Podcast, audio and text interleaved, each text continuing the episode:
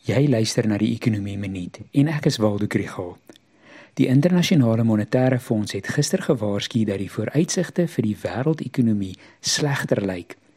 Hulle voorspel ekonomiese groei van 2,7% met 'n 25% kans dat die wêreldekonomie minder as 2% kan groei hierdie jaar. Hulle hoofekonoom waarsku dat 2023 vir baie mense soos 'n resessie gaan voel en die kanse vir 'n fout deur beleidsmakers is groot. Mense sou dink dat hy bedoel die fout sou wees om rentekoerse hoog te hou en so ekonomieë in resessie te dompel. Maar nee, die IMF e dink die fout sou wees om te vroeg op te hou om inflasie te beveg. Hulle voorspel die gemiddelde inflasiekoers wêreldwyd vanjaar gaan 8,8% wees.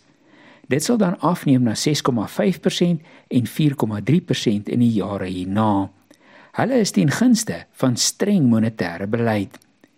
Stadige groei en hoë inflasie beteken dat beleggers hulle geld in veilige hawens wil hou, soos Amerikaanse tesoriewissels. Dit sal die dollar verder laat versterk en druk plaas op ontleikende markte se geldeenhede en skuldposisies.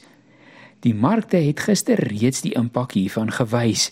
Die JSE het effens swakker gesluit en die rand het steeds bo R18 per dollar verhandel.